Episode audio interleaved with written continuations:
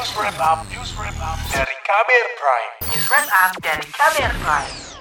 Saudara konflik di Papua masih terjadi hingga kini, kebijakan yang dikeluarkan pemerintah untuk menangani konflik pun dinilai masih buruk. Pendekatan militeristik diduga memicu peningkatan konflik. Lantas bagaimana kebijakan tersebut dan seperti apa yang perlu dilakukan untuk menangani konflik yang terjadi di bumi Cendrawasih?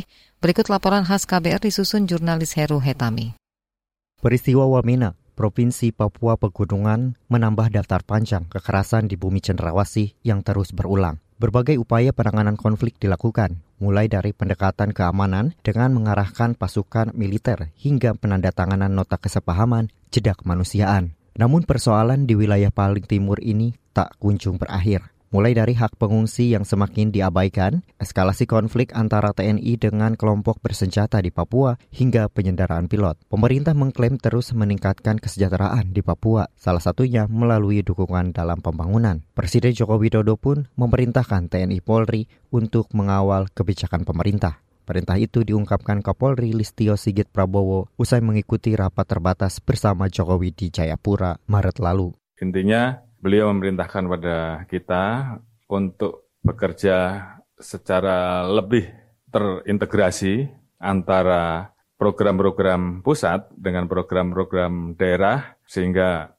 TNI Polri betul-betul bisa mengawal seluruh kebijakan di dalam rangka meningkatkan kesejahteraan wilayah Papua baik dari sisi pembangunan maupun dari sisi pemekaran semuanya bisa berjalan dengan baik. Sementara itu Panglima TNI Yudo Margono mengatakan pasukan TNI di wilayah Papua sudah mencukupi untuk melaksanakan operasi penegakan hukum.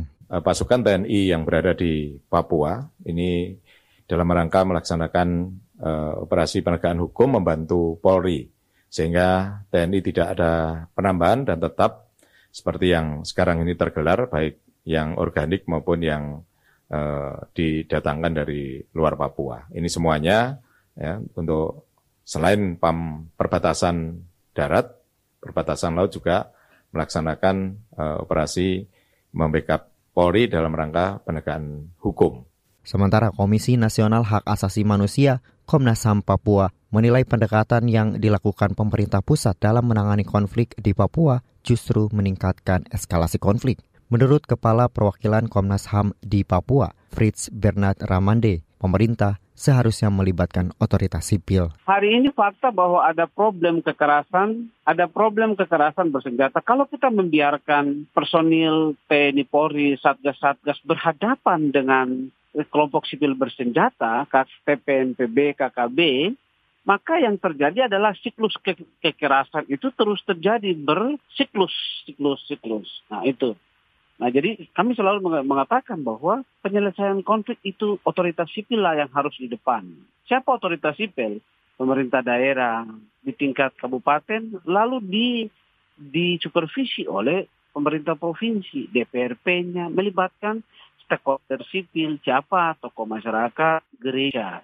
Di sisi lain, LSM Komisi untuk Orang Hilang dan Korban Tindak Kekerasan Kontras mendesak pemerintah menghentikan pola buruk pengambilan kebijakan dalam menangani konflik di Papua. Wakil Koordinator Bidang Advokasi Kontras, Teoria Preti mengatakan saat ini upaya-upaya penanganan konflik masih mengedepankan ego sektoral. Agar Presiden dan DPR menghentikan pola-pola buruk dalam pengambilan keputusan di Papua, seperti memaksa kebijakan atau kebijakan yang diambil secara serampangan, uh, melainkan diganti dengan proses pengambilan kebijakan yang transparan, akuntabel, sesuai dengan prinsip asas-asas umum pemerintahan yang baik. Wakil Koordinator Bidang Advokasi Kontras, Teoria Preti menambahkan, upaya perdamaian tidak tuntas karena adanya pendekatan militeristik tanpa adanya dialog yang melibatkan tokoh-tokoh adat di Papua. Betapa pentingnya untuk melakukan evaluasi kebijakan keamanan di Papua. Selama ini tentara-tentara militer, polisi diturunkan dalam jumlah banyak dan tidak pernah ada evaluasi dari operasi-operasi tersebut yang tentu saja tidak terlihat apa keefektifan atau bagaimana dengan penggunaan dana dan sebagainya. Evaluasi kebijakan keamanan di Papua dan berhenti menggunakan pendekatan keamanan yang sudah terbukti tidak menyelesaikan konflik di Papua. Kontras juga mencatat, pasca perjanjian jeda kemanusiaan ditandatangani hingga kemudian batal,